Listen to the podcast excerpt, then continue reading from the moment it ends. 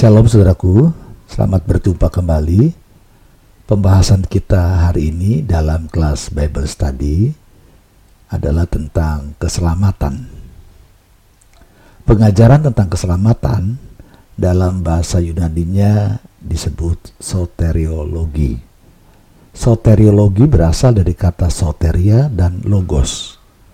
Soteria sendiri berarti pembebasan, kelepasan, atau keselamatan Sedangkan logos adalah kebenaran, firman, atau ajaran.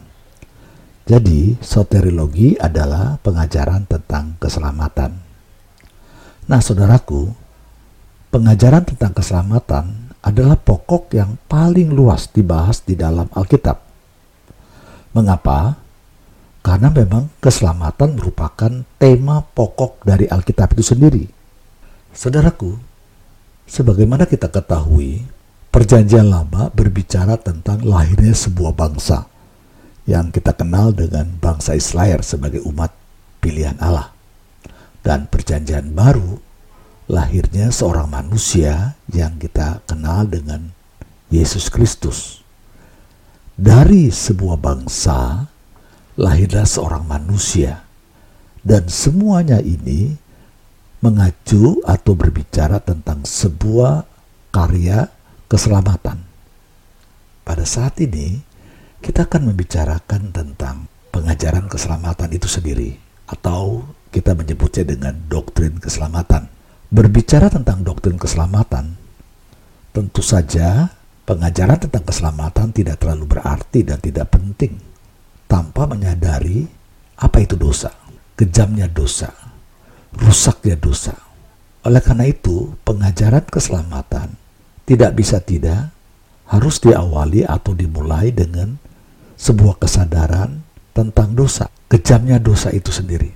Karena dosalah, maka keselamatan itu sangat penting. Dosalah yang menyebabkan keselamatan itu diperlukan.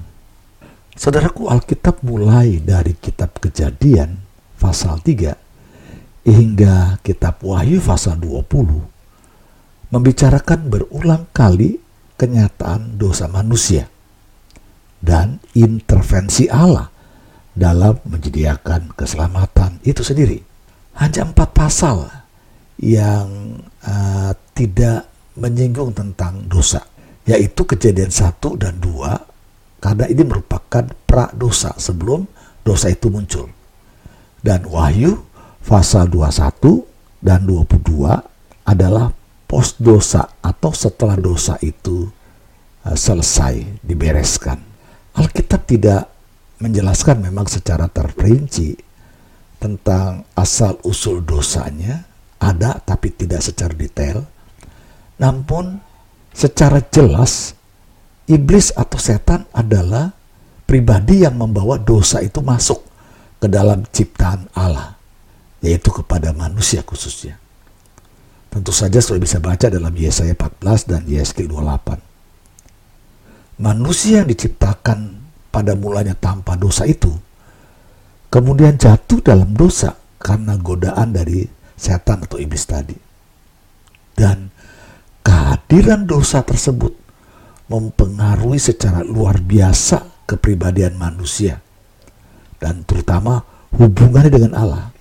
Itu sebabnya saya senang sekali memakai satu definisi dari sekian banyak definisi tentang keselamatan. Salah satu definisi keselamatan yang saya sangat suka adalah keselamatan itu sebenarnya dipulihkannya hubungan manusia dengan Allah. Keselamatan adalah sebuah pemulihan hubungan Allah dengan manusia. Karena sebagaimana yang kita ketahui, manusia itu sudah berdosa dan akibat dosa hubungannya terpisah dengan Allah. Dan manusia pada awalnya berdosa karena kemauannya sendiri, keputusannya sendiri. Dia lebih memilih tidak mentaati perintah Allah dan dia hanya mengikuti keinginan diri sendiri.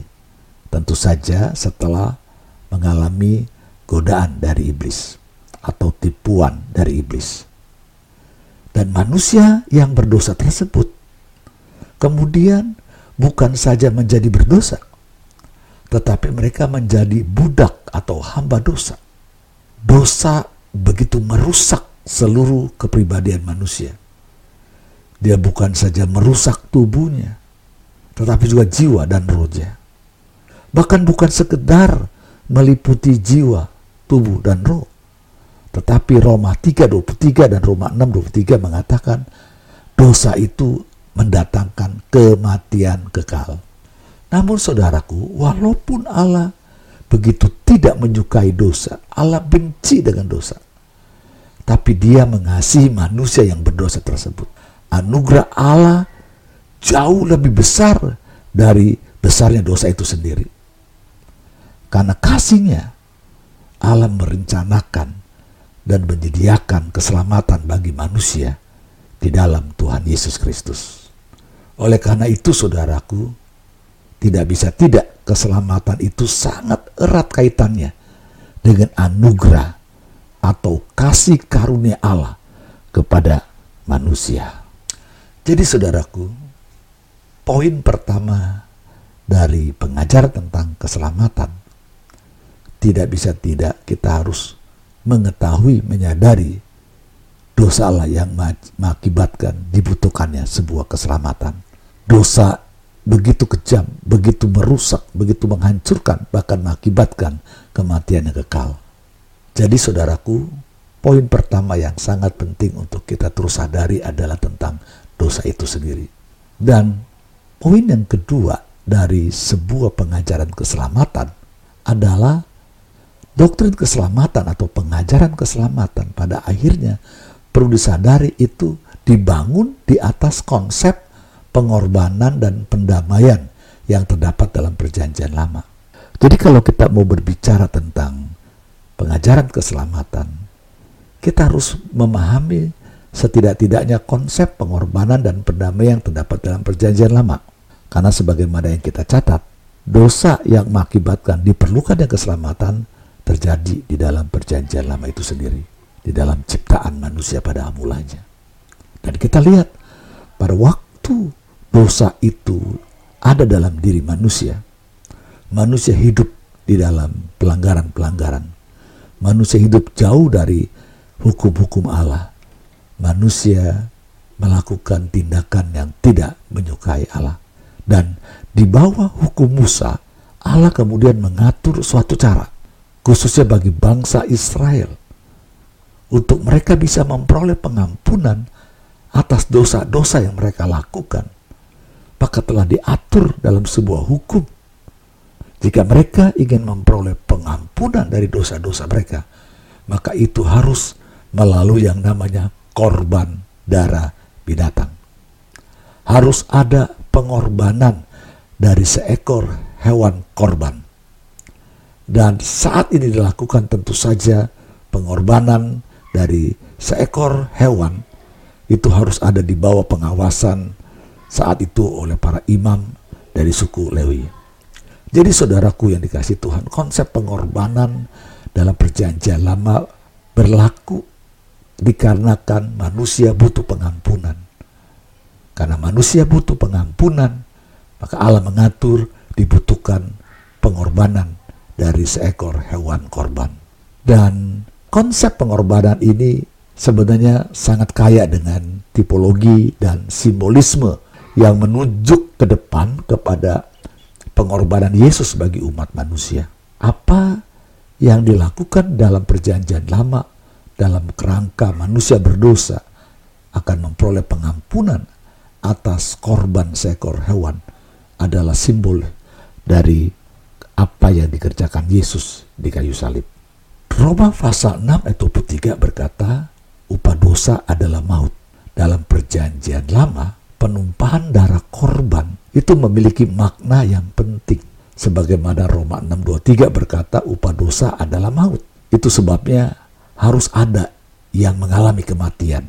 Dan saat seekor hewan kurban ditumpahkan darahnya, dia mengalami sebuah kematian dia harus mengorbankan dirinya untuk sebuah pengampunan. Saudaraku, saat hewan korban itu menumpahkan darahnya, darah yang di, dicurahkan atau yang dikeluarkan itu menggambarkan nyawa yang dicurahkan dalam kematian. Sebagaimana yang kita pahami, di dalam darah itu mengandung kehidupan atau nyawa. Secanggih-canggihnya ilmu kedokteran atau bidang medis, tentu saja para dokter, para medis berusaha meminimalisir keluarnya darah dari seorang pasien yang mungkin saja katakan membutuhkan sebuah proses operasi untuk menyelamatkan atau menyembuhkan dia dari satu penyakit. Dan saat operasi berlangsung untuk menyelamatkan pasien tersebut, diusahakan seminimal mungkin darah keluar terlalu banyak. Dan tidak tertutup kemungkinan dibutuhkan donor darah untuk jaga-jaga. Kenapa? Karena jika seorang pasien kehilangan begitu banyak darah, apabila darah keluar begitu banyak, itu bisa mengakibatkan dia kehilangan nyawa. Darah menggambarkan nyawa yang dicurahkan dalam kematian. Sebab itu dalam perjanjian lama, segala sesuatu disucikan dengan darah. Dan tanpa penumpahan darah, Ibrani 9.22 mengatakan tidak akan ada pengampunan. Dalam kaitan inilah, maka ketetapan Allah saat Yesus mempersembahkan dirinya sebagai korban yang tak bercacat dan tak berdosa. Itulah yang diperlukan. Allah menetapkan, Allah merancang, merencanakan supaya Yesus rela mempersembahkan dirinya sebagai korban. Sebagai korban yang sebenarnya tak bercacat, tak berdosa. Karena dia tidak melakukan dosa atau pelanggaran. Dia harus rela mati supaya setiap orang berdosa dapat disucikan, dapat dihapuskan semua dosanya, dan tidak lagi dibutuhkan korban yang perlu dipersembahkan oleh manusia berdosa tersebut. Saudaraku yang dikasih Tuhan, seperti yang tadi saya katakan bahwa pengajaran keselamatan harus diawali dengan sebuah pemahaman tentang betapa kejamnya dosa tersebut. Dan keselamatan itu dibangun di atas konsep pengorbanan dan pendamaian. Selanjutnya, pada dasarnya konsep korban itu sendiri dilandasi adanya sebuah kebutuhan akan pendamaian. Pendamaian dalam bahasa Ibrani adalah suatu bentuk intensif yang berarti menutupi dengan harga. Jadi pendamaian kipur dalam bahasa Ibrani-nya itu adalah berarti ditutupi dengan sebuah harga. Saat ada harga yang menutupi sebuah kesalahan atau sebuah dosa, maka terciptalah pendamaian. Atau kalau saya mau pakai bahasa sederhana, pendamaian terjadi karena ada satu sikap atau suatu tindakan menutupinya dengan sebuah harga. Saudaraku, pendamaian adalah Saudaraku, pendamaian adalah tindakan Allah yang menutupi dosa-dosa dengan harga melalui penumpahan darah melalui korban Yesus yang memperlihatkan bahwa upah dosa itu telah dibayar dengan harga yang lunas. Perdamaian adalah korban yang dipersembahkan karena kesalahan atau dosa orang lain. Harus kita tahu, Yesus tidak mati karena dosanya, sama seperti domba itu. Dia mati bukan karena dia yang berdosa. Yesus tidak mati karena dosanya, melainkan ia mati karena dosa dan pelanggaran bahkan pemberontakan kita kata Yesaya 53 ayat 9. Secara jelas Rasul Paulus juga menegaskan bahwa Kristus telah mati karena dosa-dosa kita. 1 Korintus 15 ayat 3. Pendamaian Kristus di kayu salib adalah untuk memenuhi tuntutan Allah bagi dosa manusia. Di dalam perjanjian lama, korban hewan yang dipersembahkan adalah untuk memenuhi tuntutan hukum pada waktu itu bagi dosa manusia. Melalui pendamaian dikerjakan oleh Yesus maka hubungan Allah dan manusia itu diperdamaikan kembali. Saudaraku yang dikasih oleh Tuhan, jika kita sudah memahami perlunya keselamatan karena begitu kejamnya, hancurnya dampak daripada dosa itu merusak hubungan manusia dengan Allah, hanya melalui pengorbanan dan pendamaianlah dosa itu bisa diampuni. Namun saudara sebagaimana yang kita ketahui, apa yang dikerjakan secara simbolis di dalam perjanjian lama pengampunan melalui pengorbanan hewan-hewan kurban, pendamaian yang diterima karena proses pengorbanan yang dikerjakan oleh seorang berdosa, itu tidak semerta-merta bisa mengampuni orang berdosa yang telah berkorban tersebut melalui hewan-hewan korban. Oleh karena itu saudaraku, poin ketiga kita mencatat doktrin keselamatan itu atau bicara pengajaran keselamatan itu. Keselamatan itu hanya disempurnakan dan telah disempurnakan dengan karya Yesus di Golgota. Apa yang dikerjakan oleh para pendosa dengan mengorbankan hewan-hewan hanyalah gambaran bayangan dari apa yang akan dikerjakan oleh anak Allah Yesus namanya di kayu salib. Dan itu digenapi melalui kematian Tuhan Yesus Kristus di Golgota. Lewat karya Yesus di Golgota maka ada pengampunan dari pelanggaran atas dosa-dosa kita. Melalui Golgota lah hutang karena melukai hati Allah yang tidak mungkin kita bayar telah dibayar lunas oleh Yesus. Noda karena dosa yang tak mungkin dihapus oleh apa pun sudah dibersihkan oleh darah Yesus yang mahal itu. Hukuman ditiadakan. Karena apa? Karena telah ditimpakan di Golgota. Kelepasan dari kuasa atau belenggu perhambaan dosa terjadi karena darah Yesus di kayu salib. Keluputan dari kematian kekal. Meski kita akan mengalami kematian tubuh jasmani, namun, hal itu merupakan transisi kepada kehidupan kekal yang akan diterima oleh setiap orang berdosa yang mau percaya kepada Tuhan kita, Yesus Kristus. Sebab 1 Yohanes 5 ayat 10 13, Yohanes 3 16, Yohanes 6 ayat 47 dan banyak ayat lain mendukung mengatakan bahwa setiap orang yang percaya kepada Yesus dia akan diselamatkan. Keselamatan adalah anugerah Allah yang diterima oleh iman. Bukan karena pekerjaan baik atau amal yang dilakukan manusia. Efesus pasal 2 ayat 8 sampai 10. Jelas saudaraku korban, sikap pengorbanan yang dikerjakan oleh orang berdosa melalui korban-korbannya tidak bisa semata-merta membuat manusia itu bebas dari dosanya. Tidak ada yang bisa membuat kita selamat. Karena pada hakikatnya keselamatan adalah anugerah Allah yang kita terima oleh iman. Karena kita percaya kepada Tuhan Yesus anak Allah yang sudah rela menggantikan dosa-dosa kita di kayu salib. Keselamatan itu adalah hasil kelahiran baru yang dikerjakan oleh Roh Kudus dalam kehidupan setiap orang berdosa yang kemudian percaya kepada Tuhan kita Yesus Kristus. Namun hal yang keempat yang perlu saudara juga sadari bahwa doktrin keselamatan itu yang memang sudah disempurnakan dengan karya Yesus di Golgota. Keselamatan yang telah disempurnakan dengan karya Yesus di Golgota harus diresponi oleh manusia berdosa ini dengan pertobatan dan imannya. Saudara tahukah saudara pertobatan itu adalah sebuah reaksi dari orang berdosa terhadap karya Roh Kudus yang menginsapkan manusia berdosa itu untuk berbalik dan berpaling dari dosa-dosanya menuju kepada Allah. Roh Kudus bekerja di dalam kehidupan orang berdosa. Di dalam Yohanes 16 ayat 8 dan 10 berkata kalau Roh Kudus atau Roh penghibur datang ia akan menginsapkan budi akan dosa kebenaran dan menghakiman akan dosa karena mereka tetap tidak percaya kepadaku.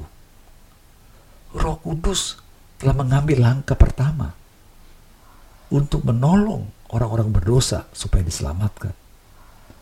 Namun demikian, Roh Kudus tidak pernah memaksa.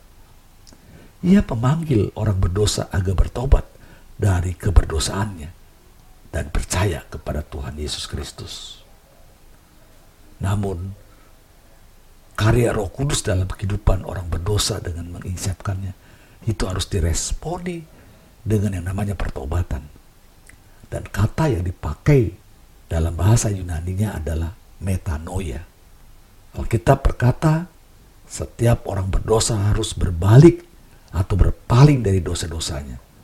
Dan ini artinya metanoia, pertobatan. Yang artinya adalah perubahan pikiran yang pada akhirnya menyebabkan terjadi perubahan mendasar dalam sikap. Metadoya atau pertobatan berarti berbalik, berubah, mengubah pikiran dan menyebabkan perubahan mendasar dalam sikap. Perubahan pandangan tentang dosa yang tidak lagi berkuasa dalam kehidupan orang yang sudah bertobat. Orang yang bertobat mengakui bahwa dirinya adalah orang yang berdosa di depan Allah dan mereka sangat membutuhkan anugerah Allah perubahan sikap kepada Allah yang tadinya memberontak menjadi orang yang taat kepada Tuhan. Perubahan tindakan yang meninggalkan perbuatan dosa yang dilakukan selama ini nampak dalam kehidupan orang yang bertobat. Jadi saudaraku yang dikasih Tuhan, saat roh kudus bekerja menginsiapkan kita akan segala kesalahan kita, Tuhan menuntut kita untuk berpaling, berbalik dan berpaling dari jalan-jalan yang salah. Bertobat, mengarahkan pandangan kepada Tuhan, kepada Allah. Saudaraku, respon yang harus kita nyatakan adalah pertobatan dan juga iman. Inilah hal yang keempat yang kita sebut tadi bahwa doktrin keselamatan yang disempurnakan melalui karya Yesus di kayu salib itu harus diresponi dengan pertobatan dan iman. Orang yang telah bertobat, yang berpaling dari jalan-jalan yang salah dan mengarahkan kepada Yesus, dibutuhkan langkah iman. Ibrani 11 ayat 6 berkata, tanpa iman tidak mungkin orang berkenan kepada Allah. Sebab barang siapa berpaling kepada Allah, ia harus percaya bahwa Allah memberi upah kepada orang yang sungguh-sungguh mencari dia. Saudaraku, kita Roma berkata, orang yang percaya dalam hatinya bahwa Yesus adalah Tuhan dan mengaku dengan mulutnya, maka dia akan selamat. Karya keselamatan yang dikerjakan istri kayu salib harus diresponi dengan sebuah pengakuan iman, sebuah pernyataan iman yang diawali atas kepercayaan dalam hati kita tentang Tuhan yang sudah mati berkorban bagi kita. Inilah syarat yang harus kita penuhi. Kita harus melangkah dengan iman, dengan sebuah kepercayaan bahwa Yesus sudah mati bagi dosa-dosa saya. Sebuah kepercayaan, keyakinan yang diperlihatkan dari sikap, perbuatan, perkataan yang selaras dengan apa yang dia percaya di dalam hatinya. Tanpa iman, tanpa sebuah kepercayaan atas apa yang dikerjakan oleh Yesus, tidak mungkin kita diselamatkan. Ya, keselamatan hanya karena iman dan percaya kita. Karena semua ini adalah anugerah dan kemurahan dari Tuhan kita, Yesus Kristus. Saudaraku, sebelum saya menutup pembahasan tentang pengajaran keselamatan ini, Selain empat hal yang baru saja kita bahas, ada poin kelima yang kita sedikit akan membahasnya. Namun hal yang kelima ini saya sebut saja bahwa doktrin keselamatan itu yang memang telah menjadi topik yang paling luas dibahas dalam Alkitab dan rupanya ini juga menjadi topik yang sangat menarik banyak tokoh-tokoh gereja, umat percaya yang menanggapi tentang pengajaran keselamatan. Secara garis besar ada dua kelompok pandangan terhadap doktrin atau pengajaran keselamatan. Yang pertama adalah Calvinisme dan kelompok yang kedua adalah Arminianisme. Ya, Calvinisme dan Arminianisme. Secara sederhana singkat karena kita perlu pembahasan lebih mendalam tentang dua pandangan ini. Tetapi secara umum saja, kelompok Calvinisme meyakini bahwa sekali seorang menerima keselamatan, dia tetap selamat. Sedangkan kelompok Arminianisme mengatakan orang yang sudah selamat masih ada kemungkinan kehilangan keselamatannya. Mengapa kelompok Calvin mengatakan orang yang selamat tetap selamat? Karena dia berkata dosa telah merusak manusia. Kerusakan total manusia karena dosa mengakibatkan manusia tak berdaya dalam meresponi panggilan Allah. Manusia telah kehilangan kesadaran akan Allah karena dosa. Oleh karena itu, Allah yang berdolat harus menentukan orang-orang yang dipilihnya dan tanpa syarat. Semua orang yang diselamatkan itu adalah orang-orang pilihan Allah tanpa apa pun itu hanyalah kedaulatan Allah. Jadi keselamatan adalah kedaulatan Allah. Allah yang memilih orang-orang di atas kedaulatannya. Allah yang menentukannya. Oleh karena itu penebusannya bersifat terbatas. Kristus hanya mati untuk menyelamatkan ya orang-orang yang dipilih oleh Allah secara berdaulat itu. Sehingga anugerah keselamatan tidak dapat ditolak oleh orang-orang yang telah ditetapkannya. Jadi orang-orang yang dipilih sejak awal itulah yang akan menerima keselamatan dan dia tidak bisa uh, memilihnya. Dia sudah tinggal menerima anugerah karena Allah telah memilih dia, dia di atas dasar kedaulatannya. Tidak ada syarat-syarat lain. Sekali selamat tetap selamat. Sejarah garis besar kurang lebih seperti itu. Sedangkan kelompok yang mengatakan orang yang selamat masih ada kemungkinan kehilangan keselamatan karena dia berpikir Walaupun seorang sudah berdosa, tetapi sebenarnya manusia oleh anugerah Allah masih bisa meresponi panggilan Allah. Sebenarnya manusia masih memiliki uh, kemampuan untuk meresponi panggilan Allah. Dan kalau memang Allah itu memilih manusia yang diselamatkan, dia memilih bukan karena atas dasar semata-mata uh, yang dikatakan tadi oleh kelompok Calvinisme kedaulatan Allah, tetapi atas dasar kematahuan Allah yang memang tahu siapa yang akan meresponi panggilannya. Sehingga atas dasar inilah penebusan Kristus itu menjadi tak terbatas. Karena penebusan karya Kristus di kayu salib ditujukan bagi orang siapa saja, bagi yang mau menerimanya. Sementara kelompok Calvin itu penebusan Kristus terbatas hanya bagi orang-orang yang sudah ditentukan sejak awal, itu selamat. Tetapi kelompok Arminianisme dia tak bersyarat, dia tak terbatas maksud saya. Kenapa? Karena manusia punya kebebasan untuk menerima atau menolak anugerah Allah. Kalau demikian, di mana posisi kita? Saudaraku, dalam hal keselamatan, bagi saya, keselamatan yang kita terima itu harus dijaga, harus dikerjakan dalam takut dan gentar.